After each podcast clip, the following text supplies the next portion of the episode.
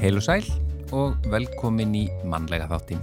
Í dag er 50 dagur og það er 27. januar. Já, og það var einmitt á þessum degi 1531 að jarðskjálti skók Lissabon og þúsundir fórust. Svo var það á þessum degi árið 1785 sem að Benjamin Franklin skrifaði bref til dóttusunnar og lísti vombriðum sínu með að skallaörnin skildi vera valinn sem þjóðartákn bandaríkjana. Sjálfur vildi hann sjá vilda kalkunin. Já. Það er svolítið öðruvísi. Það hefur þetta aldrei öðruvísi. Spurning, hvaða áhrif hefur þetta? Það er alveg spurning. Þetta er svona, hef- já, já. Hefur það alltaf orðið svona mildara og... Ég veit það ekki. Já, einmitt. Uh, Ísafjörður fekk kaupstæðaréttindi á þessum degi 1866 og þá byggu þar 220 manns. Hið íslenska kvennfélag var stopnað í Reykjavík á þessum degi árið 1894. Og 1904 var kvennfélagi Ringurinn stopnað. Verkamannafélagið Dagsbrún í Reykjavík var stopnað á þessum degi árið 1906. Já, þetta er mikil svona stopnunardagur. Já. Uh, verk, nei, aftaka veður. Grandaði tveimur breskum tógurum út af vestfjörðum á þessum degi 1955 og fórust 40 menn af þeim. Tógarinn Egil Rauði strandaði undir grænu hlýð og þar fórust 5 menn en 29 var bjargað. Já, og Handknategsfélag Kópavoks var stopnað þessum degi árið 1970. Háká og Símon og Garfunkel eh, sendu frá sér breyskifinar Bridge over Troubled Water á þessum degi 1970. Svo var það á þessum 19, eh, 2009 sem að Geir Horti baðst lausnar fyrir ráðuneyti sitt. Já, en að efni þáttarins í dag.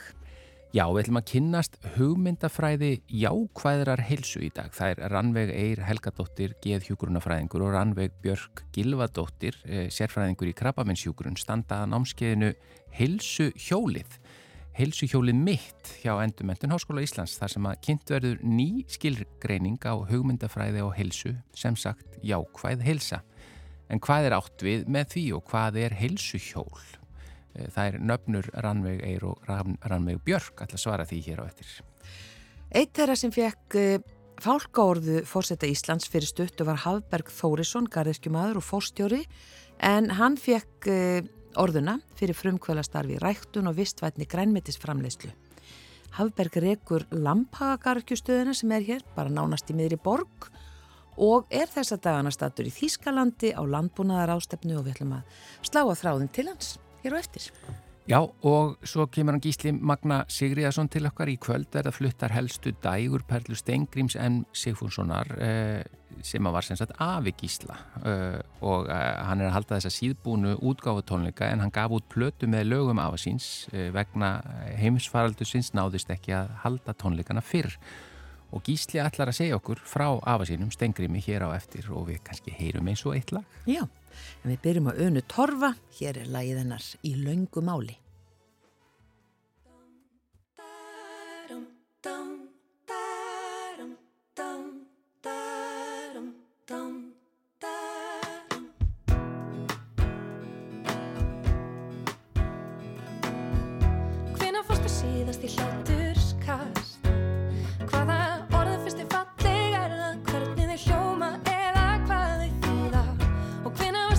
stone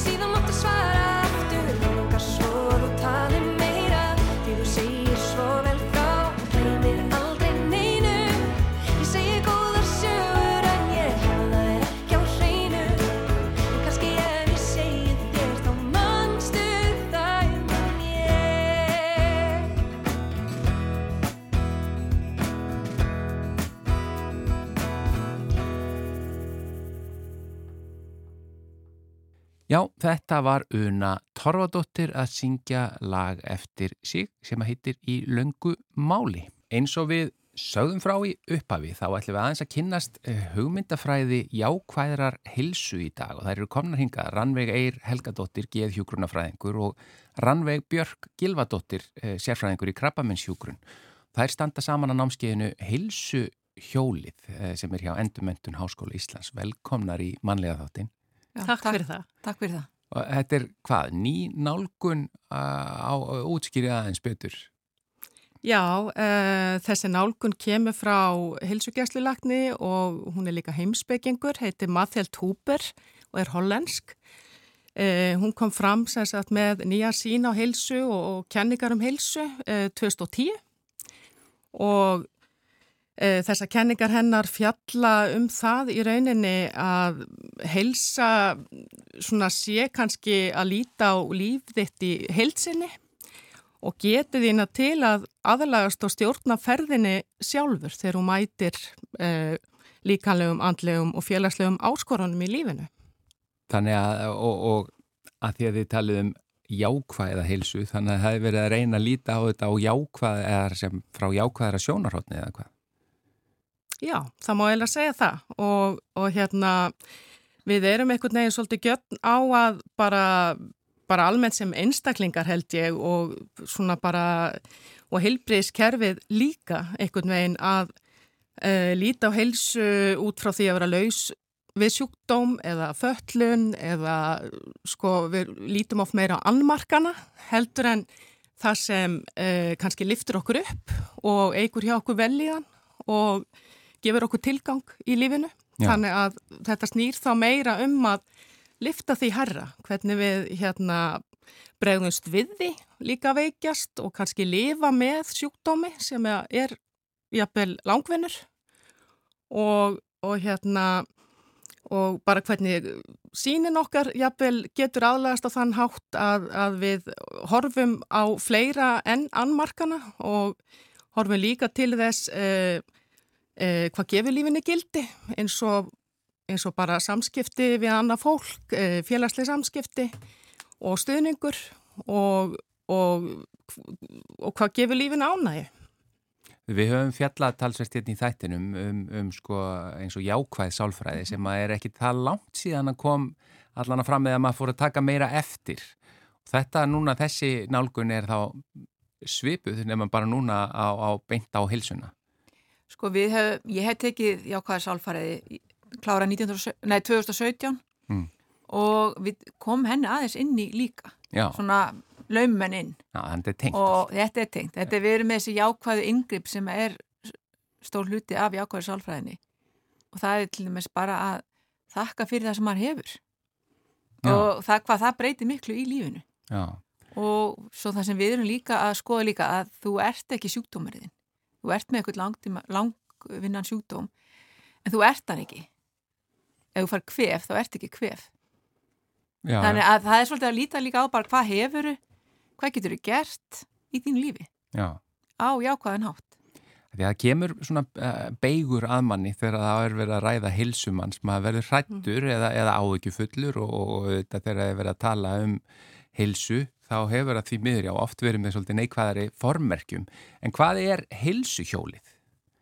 Já, heilsuhjólið er þá tæki jákværa heilsu fyrir einstaklinga, hvort, bara hvernig þeir líta á heilsu sína eh, hvort sem þeir hafa sjúkdóma eða ekki eða, eða fallanir eða hvað, hvað sem eh, hvort sem þeir hafa einhvað sem trublar þá í lífinu eða ekki og þetta er það þannig að Við erum auðvitað öll að kljást við uh, alls konar vandamál á degi hverfu, hverjum og það er mikil streyta í daglegu lífi. Og við viljum meina að svona eins og jákvæð heilsa og jákvæð sálfræði geti hjálpað okkur þarna til að takast á við þessa streytu og heilsu hjólið, uh, það er þá tæki hérna til að horfa á lífið þetta í heilsinni og það snýst um sex þætti mm. uh, og þessi þættir eru líkanlega virkni, andlega velíðan, tilgangur, lífsgæði, þáttaka og dagleg virkni.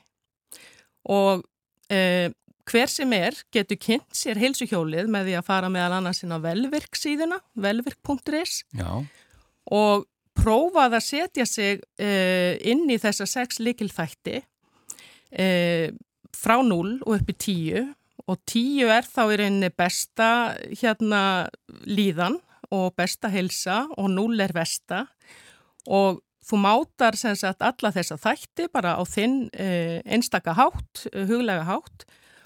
Og þá færðu út svona ákveðið sem að hollendingani tala meir um kannski sem svona spiderweb eða við tölum um heilsu hjól í þýðingunni, það er svo erfitt að þýða, Já. þá verður þetta svona vefur, þinn svona bara lífsins vegur, vefur og, og út frá því gæturu kannski séð að það eru vankantar, þú ert kannski að stiga þig látt í einum hlutanum e, og jafnvel ennlæra í öðrum en þú vilt vinna kannski með einhvern ákveðin þátt að þarf ekki að vera það sem þú stiga þig lægst. Þú vilt kannski vinna með andlega velíðan betur uh, og þá fer það undir þáttunum sem eru gefnur upp, nokkur undir þættir og velur kannski eitt þar eða tvo til að vinna með og bara í litlum skrefum setur þér lítil markmið og spyrðir spurninga. Þannig að í rauninni að það að fara í gegnum þetta, að fylla út þetta hilsuhjól og, og einmitt já, hilsuhjól eða, eða kongulóföfur, þegar ég horfa það hérna þá lítur það meira út eins og kongulóföfur, e, e, svona sex hirnt, eh, en þá við það að fylla þetta út og það er tildurlega einfæld að gera og ekki það tekur það langan tíma eins og inn á velvirk? Nei, það þarf ekki að taka langa tíma og það sem við mælum með er að þú fyllir du, fyllir í skoði hvaða stöð þú ert, þú fær svolítið status á þínu lífi Já. með því að fyllir þú út og svo kannski breytur þú kannski tveimu þáttum í þínu lífi, þess að þú vilt vinna með eins og nafna mér var að tala um áðan Já. til dæmis bara að fara út að ganga setja sér mark með að fara út að ganga, reyfa sig því reyfinga er náttúrulega besta gæðlif sem til er Já. og sem að þú mæli lík, hugsi líka já, ok, nú langar mér að hitta meira fólk og kannski setja mark með að hitta eina vinkonni í viku Já. Svo kannski eftir mánuð að ferðu og skoðar aftur vefinn þinn, kongulega vefinn þinn. Og þá kannski sérðu að þetta hefur áhrif víðar. Þið fer að líða betur andlega þið fer að líða betur líkamlega. Já. af því að þetta er svona, þetta er þessi vefur þetta fer svolítið út. Finnur aukinn tilgang. Já, já finnur aukinn tilgang í lífinu. Þannig að maður í rauninu maður fyllir út vefin til að byrja með já. og svo get uppfæri maður hann og þá ser maður í rauninu framgangi já, já. Og, og þá kannski segja, já, nú er ég búin að byrja að vinna með þessu, svo kannski ger ég þetta. Og þetta er alltaf að tala um að gera þessum litlum skref. Og þessi litlu skref hafa ótrúlega mikið mikla breytingu í för, för með sér. Og eru kannski svona meðfærilegri að takast á við Eh, ekki, ekki að hugsa of, of langt í einu. En, en ég sé hérna, ég er alveg að skoða lýsinguna á námskeiðinu inn á endumentum.is bláusvæðin hvað, hvað eru bláusvæðin? Það eru svæði það sem að, að búa komið ljós að það eru ákveðin svæði í heiminum sem að eru það sem fólk verður mjög langlýft er unni haf mikið samt og er aldrei mikið löst við sjúkdóma. Já. Og það er það sem enginn þessi svæði er náttúrulega bara ákveðin lífstíl og það fælst í það að fólk er að reyfa sér daglega og það er bara svona þessi hluti af lífinu, að þú ert svolítið að, að reyfa þig. Já. Bara sem eðlileg hluti Þá, ekki, þá er það ekki... bara í menningu þessara staða já, já. Að, að fólk gerir það á þess að vera meira e, e, ekki það meðvitað í rauninni kannski. Nei, þetta er ekki endilega meðvitað en þú ert að reyfa þig meira Hva, Hvað eru þessi bláu svæði? Er, já, það er í Japan, Ósíknafa heitir það, svo er það í hérna, Costa Rica, það er eiga þar, já.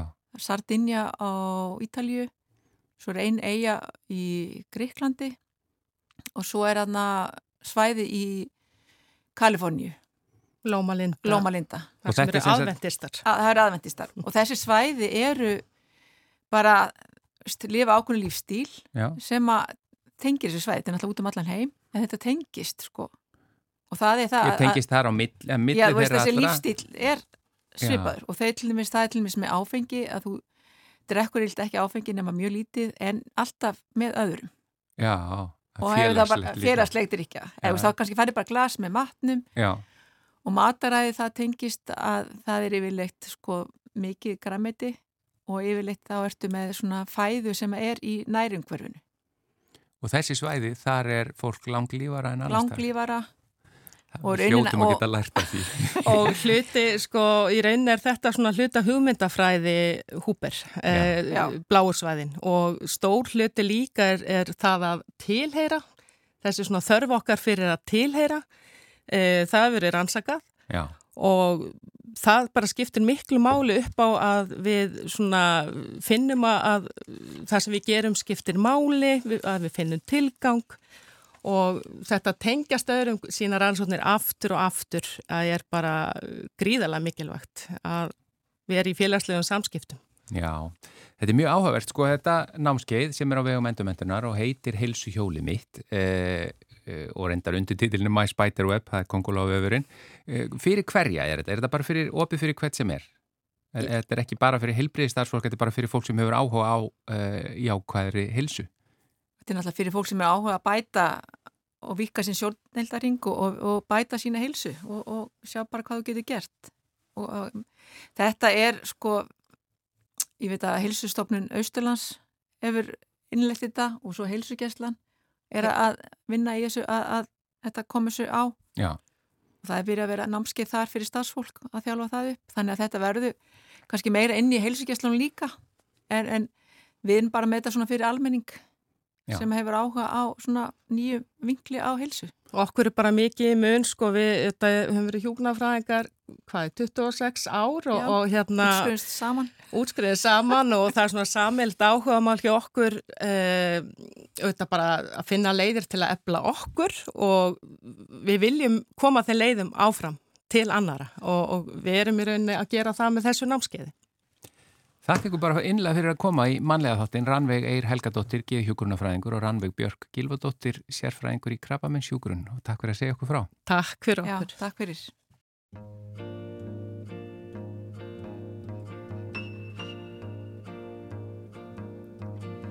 É pau, é pedra, é o fim do caminho, é o resto de toco, pouco sozinho, é um caco de vidro, é a vida, é o sol, é a noite, é a morte, é o laço, é o anzol, é peroba do cão, é o nó da madeira, é o matita pereira, é madeira de vento, é um mistério profundo, é o queira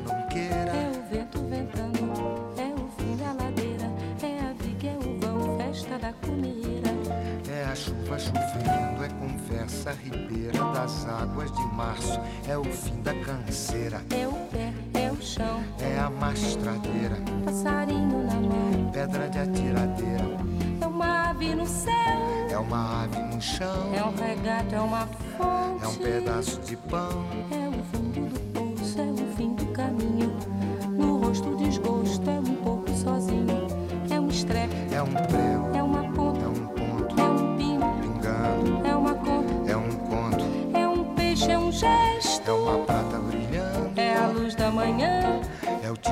chegando, é a lenha, é o dia, é o fim da picada, é a garrafa de cana, o estilhaço na estrada, é o projeto da casa, é o corpo na cama, é o carro enguiçado, é a lama, é a lama, é um passo, é uma ponte, é um sapo, é uma rã é um resto de mato na luz.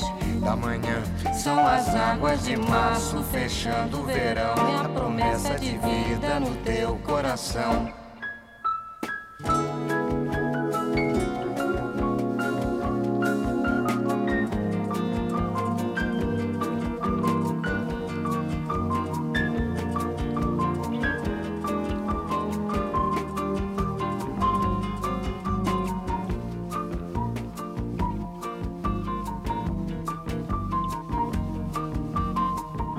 Uma cobra, é um pau. É João, é José, é um espinho. Na mão, é um corte. No pé. São as águas de março, fechando o verão. É a promessa de vida no teu coração. É pau, é pedra, é o fim. do caminho, é um resto, de topo, é um pouco, sozinho. É um passo, é uma ponte, é um sapo, é uma rã, é um belo horizonte, é uma febre terçã. São as águas de março, fechando o verão. É a promessa de vida no teu coração. Pau, Edra,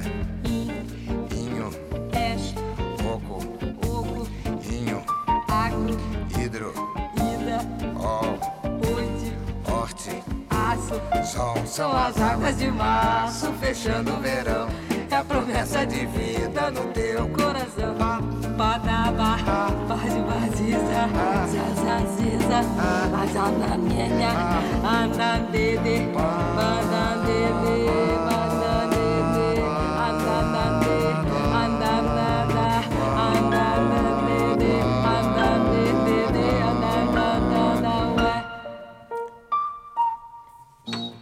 Já, þetta lag heitir Aguas de Marco eða á, að mætti útleggja á íslensku sem uh, Rigning í Mass uh, og þetta var uh, Elis Regina og Antonio Carlos Sjóbam og hann samdi mitt lagið. Já. Við sögum frá því hér í upphafi að í kvöld vera fluttar helstu dægulega perlu Stengrims M. Sigfússonar í salnum í Kópói og það er barnabarn hans, Gísli Magna Sigriðarsson sem heldur svona síðbúna útgáfutónleika en e, hann gaf út plötu með lögum afasíns en bara út af heimsfaraldri þá var einhvern veginn ekki alveg hægt að koma við útgáfutónleikum og nú er bara komið að því og Gísli er komin inga til okkar, velkomin. Takk fyrir, takk. E, segð okkur aðeins bara frá afaðinu, svona til að byrja með. Hvað ætti ég nú að segja mann? Hann, ég náttúrulega, eh, ég held ég að hitt hann einu sinni. Hann lest sko fyrir mörgum árum síðan þegar ég var bara lítill drengur vestur á fjörðum Já, og hann bjóð þá á Húsavík og ég á engar minningar um, um hann sko. En hérna, það fóru náttúrulega, uh, hann, hann var samt sem áður alveg sko nálægur í því að faði minn hann glamraði svo mikið á píanó þegar ég var krakki þannig að lögin hans heyrði ég svo til daglega já, þegar ég var að alast upp. Já. Og þú vissir að það, þetta er lag eftir Ava og, Já, já, þetta lag eftir að veðin og þetta og þetta sko. Mm. og hérna, já, svo sem sagt, einhvern veginn frá því ég var ungur maður þá vissi ég það að einn daginn myndi ég þurfa að taka utan um öll þessi lög og gera eitthvað við þau sko. Það er alveg mörg ár síðan ég áttaði mig á því. Það var bara eitthvað sem þú fannst inn í þér eða var það krafa? Nei, það var meira svona sem ég fann inn í mér sko. Það var kannski pínu krafa en samt sem aður þá var þetta svona já, ég verð að gera eitthvað, annars bara týnist þetta sko. Já, og bróður hans afæmis, hann hétt Haraldur Gísli og hann sagt, eftir að Afi lést sko 1975 að þá sem sagt, hafði Afi tekið lofurð af honum að passa upp á nóturnar eh, sem hann skildi eftir sig. Já, já, já. og þetta var alveg svakalega mikið nótnasafn og hann samti alveg dopi af, af músík sko, þetta er alveg lagalistin spannar hátti 150 lög Já, sem er ansið mikið sko. Og hérna og þannig að Haraldur sérst passaði upp á nótnasafnið hans afa öll þessi ár og gemdi þessu gull sko. Og svo fjall hann frá fyrir nokkur ára síðan og hérna afkomendur hans uh, báðu, báðu mig um að taka að þessi nótnasafnið þannig að þarna var þetta bara komið og ég gæti fara að garfa í þessu og fann alls konar perlur og sumar sem að hafa aldrei verið gefnar út. Það var mjög skemmtilegt sko Það eru þarna á, á plötunni eru nokkur lög sem að sem sagt, hafa verið flutt af eins og Hauki Mortens, Sigurði Ólafsinni, Alfred Klausen og það er eitthvað nokkur fleiri þarna sko. Um, en svo eru þarna líka nokkur sem að bara hafa aldrei heist áður og upptöku.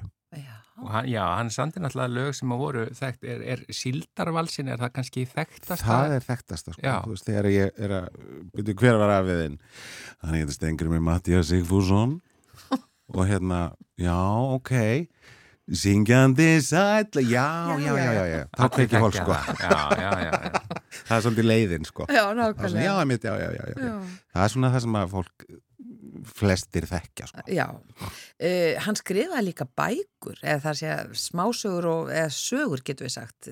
Já. unglingasögur og, og þá notaði hann dölnefnið Valur Vestan, Vestan, svona spennusögur fyrir unglinga sem já, skrifaði. Þetta er alveg sko stórkostlega bækur. Ég hérna, las eina þeirra fyrir nokkurum árum síðan sem að hétt ef mann rétt rafmaksmorðin og hérna og þetta er náttúrulega sko orðavalið og hvernig setningar eru byggðar upp og svona, þetta er alveg sko batsins tíma en svo ofsalega juicy sko. Og uh, þú veist, ég sá fyrir mér þegar, þegar maður er að lesa þetta og sér maður fyrir sér sko mann sem að býr vestur á fjörðum og hérna er með alveg ó, ótrúlega mikla sko sköpunar þrá þú veist, hann, hann spilaði spilaði orgel, var hérna organisti á Patrísfyrði og hann málaði og hann skrifaði og samdi og hérna og, og sko fór, fór aldrei til útlanda og eini miðlinn á þessum tíma náttúrulega 1950 eftir stríð er bara útvarpið Já.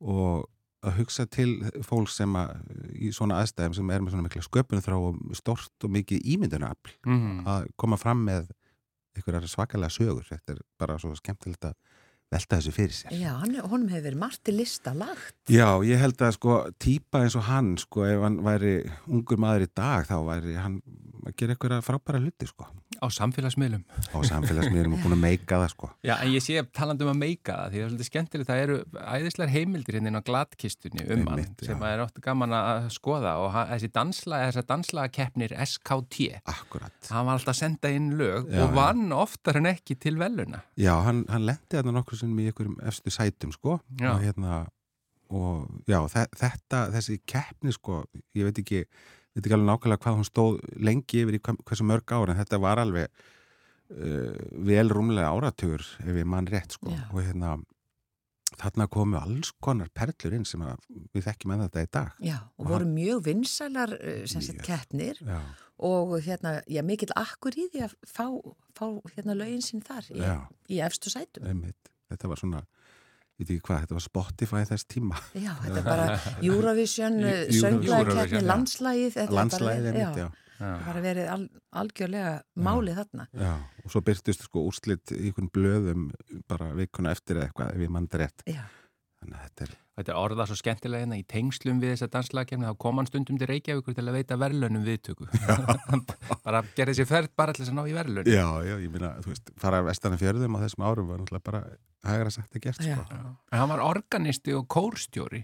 Hann var organisti og kórstjóri og hérna, og svo ég á í fórum minn með einhver bref sem hann skrifaði, sko, til einhverja vina og hérna, og það var svo augljóst að eftir því sem hann var eldri að þá, sko, hallaðist það meira því að fara yfir í andlegu tónlistina og var að skrifa kórverk og orgelverk og þess aftar, sko. mm. Já.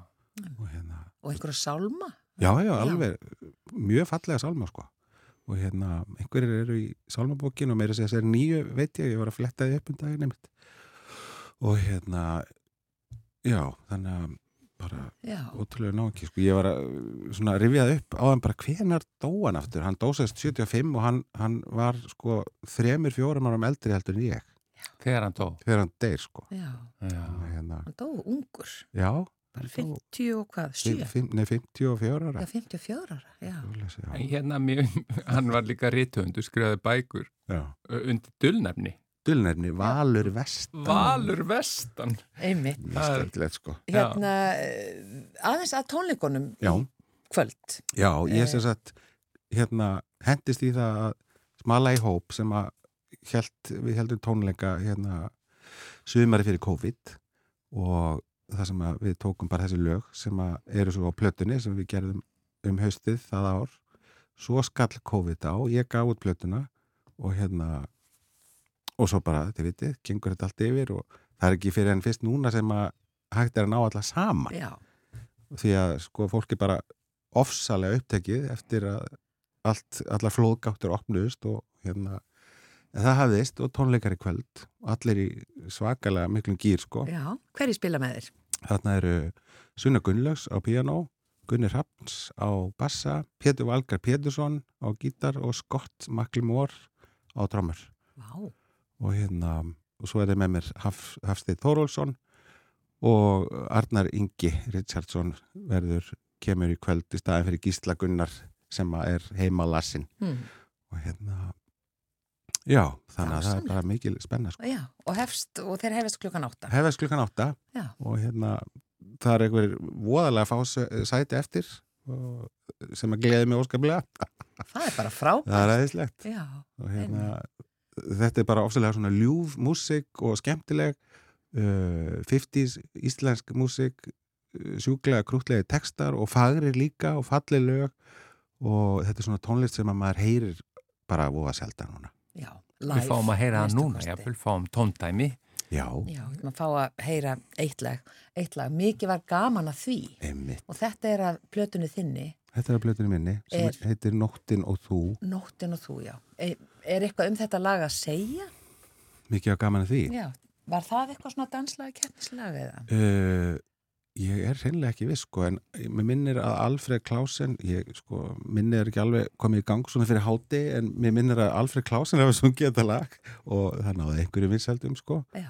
og þetta er eitthvað svona í textana að tala um svona rifið upp æskuna og hvað var gaman að öllu sko Já og ég held að fleiri hafi sungið þetta lag, ég fann þetta með, með nokkurum hérna inn í, inn í safni. Einmitt.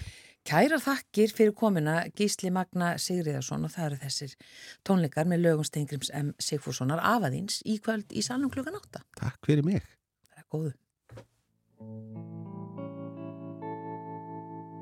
Manstu sýstir, benskuna blíðu, bæinn gamla hlýðina fríðu, Manstu kvöldin kyrlát og fögur, hvæðin hennar ömu og sögur.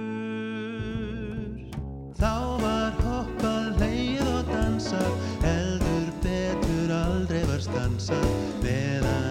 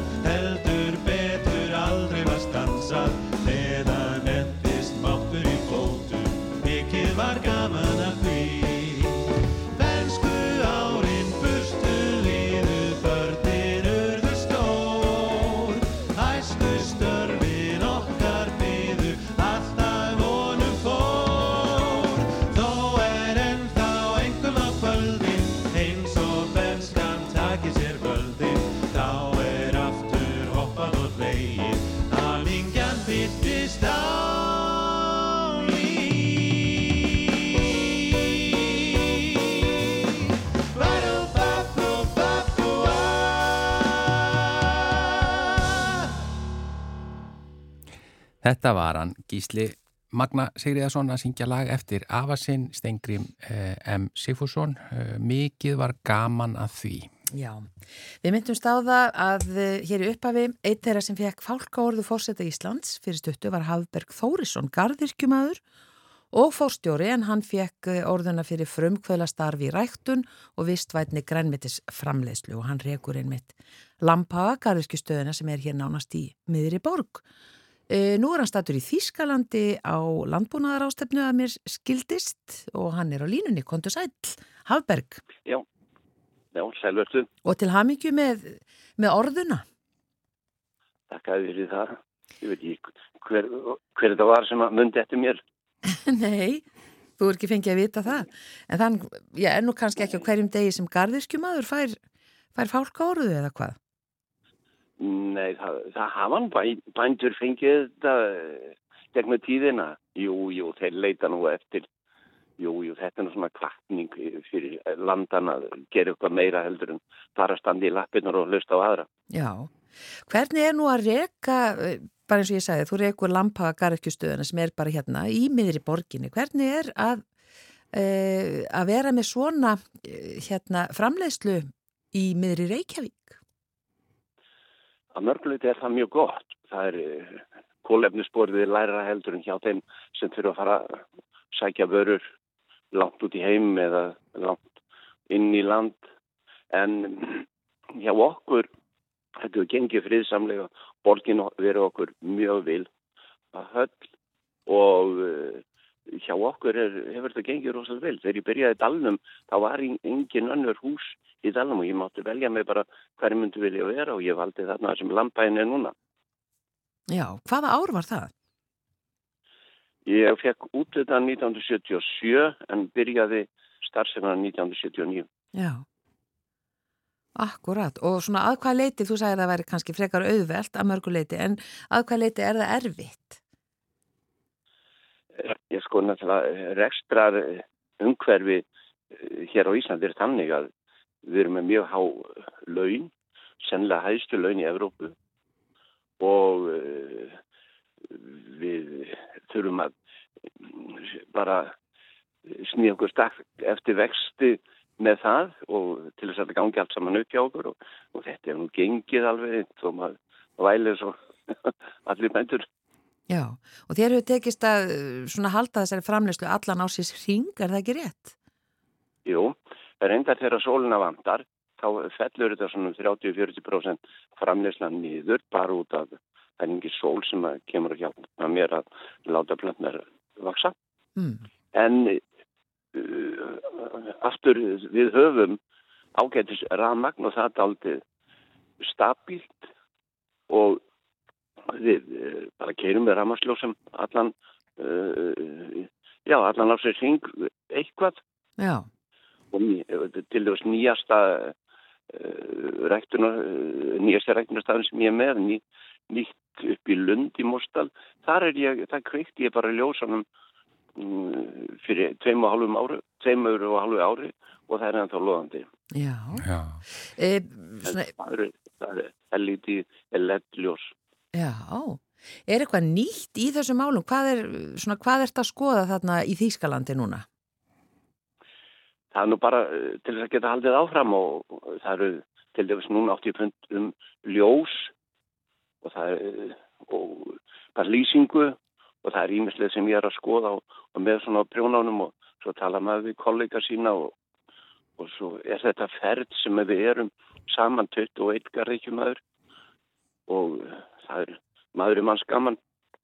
Já. Hvernig er þetta með sko frá að því þú opnar, eða byrjið, þið byrjið starfsemi 1979 og þú varst að tala um kólefnisspor núna. Hvena var farið að hugsa út í þessa hluti? Það hefur vantalega valla verið þá. Nei, þetta var ekki til í Íslandsku veldi. Nei, og, og þetta að, að velta fyrir sér einmitt svona umhverjusvætni, ræktun og jafnvel, lífrænt og annað. Hvenar fer þetta að koma inn í bransan? Það er nú, já sko, lífrænt ræktun hefur náttúrulega alltaf verið til, já. en henni var uh, meira sint svona upp úr 90 að mér finnst. Mm. Og það er svo margt sem hægt er að gera með því að vera bara með lífrænræktun og, og þess að það er, en ég er ekki með lífrænræktun, ég get það ekki, ég, ég er hennandi vatni sem ég rækta mínar í og það hendar ekki vel. Já, já. En, hvernig með að því þú ert að tala um ljós og þú ert að, og hefur verið allan þennan tíma og nú segir það eru LED-ljós, eh, hver, hver er svona munurinn að því að til dæmis LED-ljósin hittna ekki og annað en eru þau jafn góð eh, fyrir plöntunar og fyrir ræktunna og er, er ný og ný tækni í þessu að gera þetta alltaf betra og betra eða hvernig, hvernig fleitir tækninni fram í þessu? Sko, það er eitthvað við lettið sem að vantar í það einhver, einhverja bylgjur þess að það er ekki hægt að rækta til með salat ég er 30 og eitthvað daga að rækta salatin Já. og það er ekki hægt að hafa það undir letti allar þann tíma. Suma plönturnar þurfa einhver, einhverja aðra bylgjur sem að enginn hefur fundið, fundið og kann ekki að reiknað út einu sinni.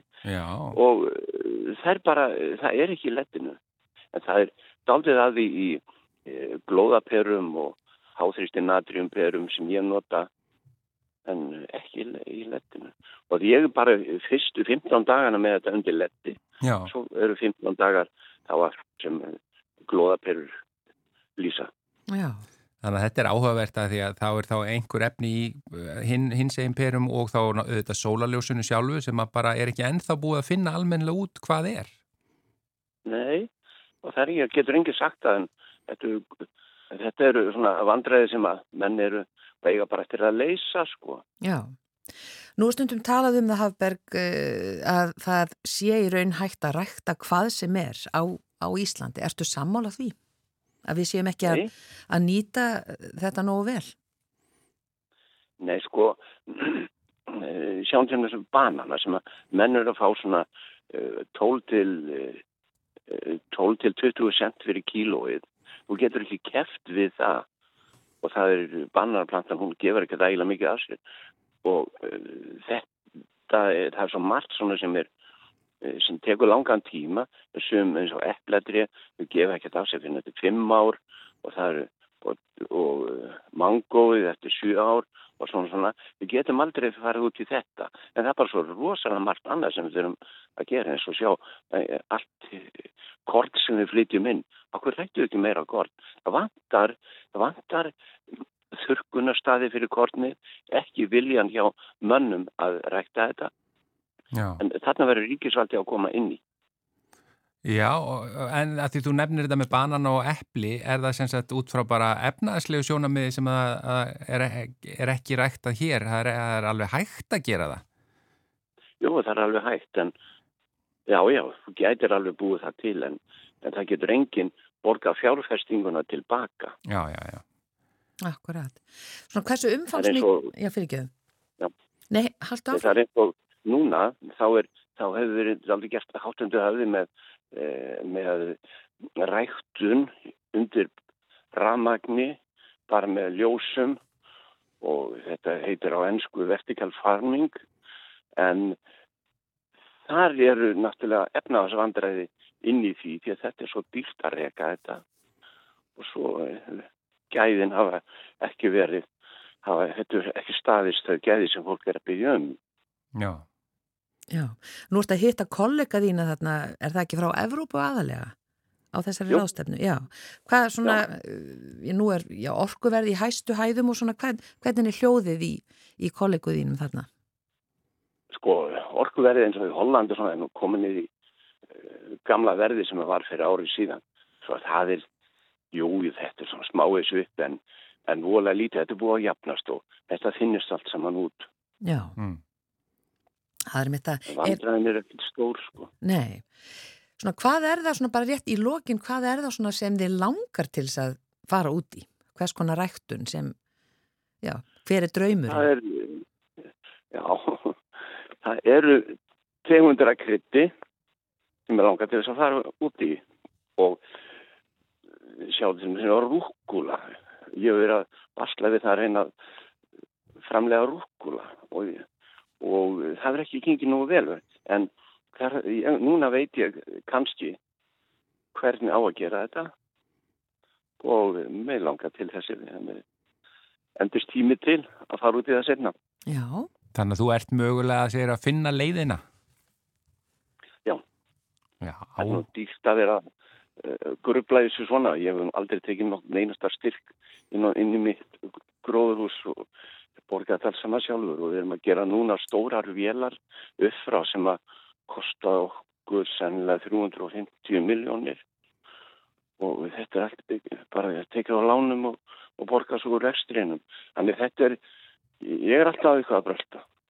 Já, en við segjum bara aftur til hafmyggi með, með þessa fálkórðu sem við fegst Afberg eh, Þórisson Garrikjumöður fyrir einmitt frumkvöla starfi í ræktun og vistvætni grænmittis framleyslu og uh, já, kannski sjáum við eins og þú segir, rúkula á næstu, já, kannski ekki mánuðum en kannski á næsta ári. Já, já. Takk, það kemur að þessu. Það kemur að þessu. Takk innilega fyrir spjallið. Já, sem leys Já, bless, bless. Bless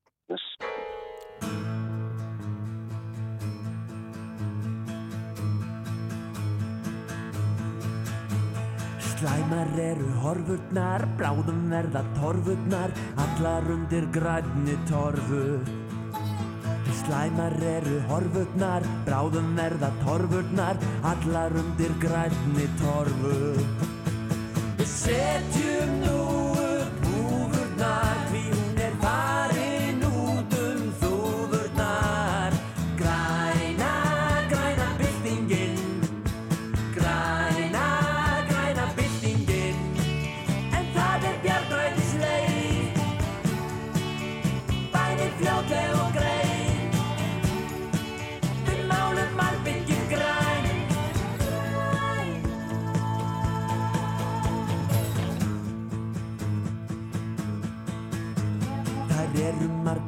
margar nefndirnar Furnig er með endirnar sem sumir lofuðu sumum.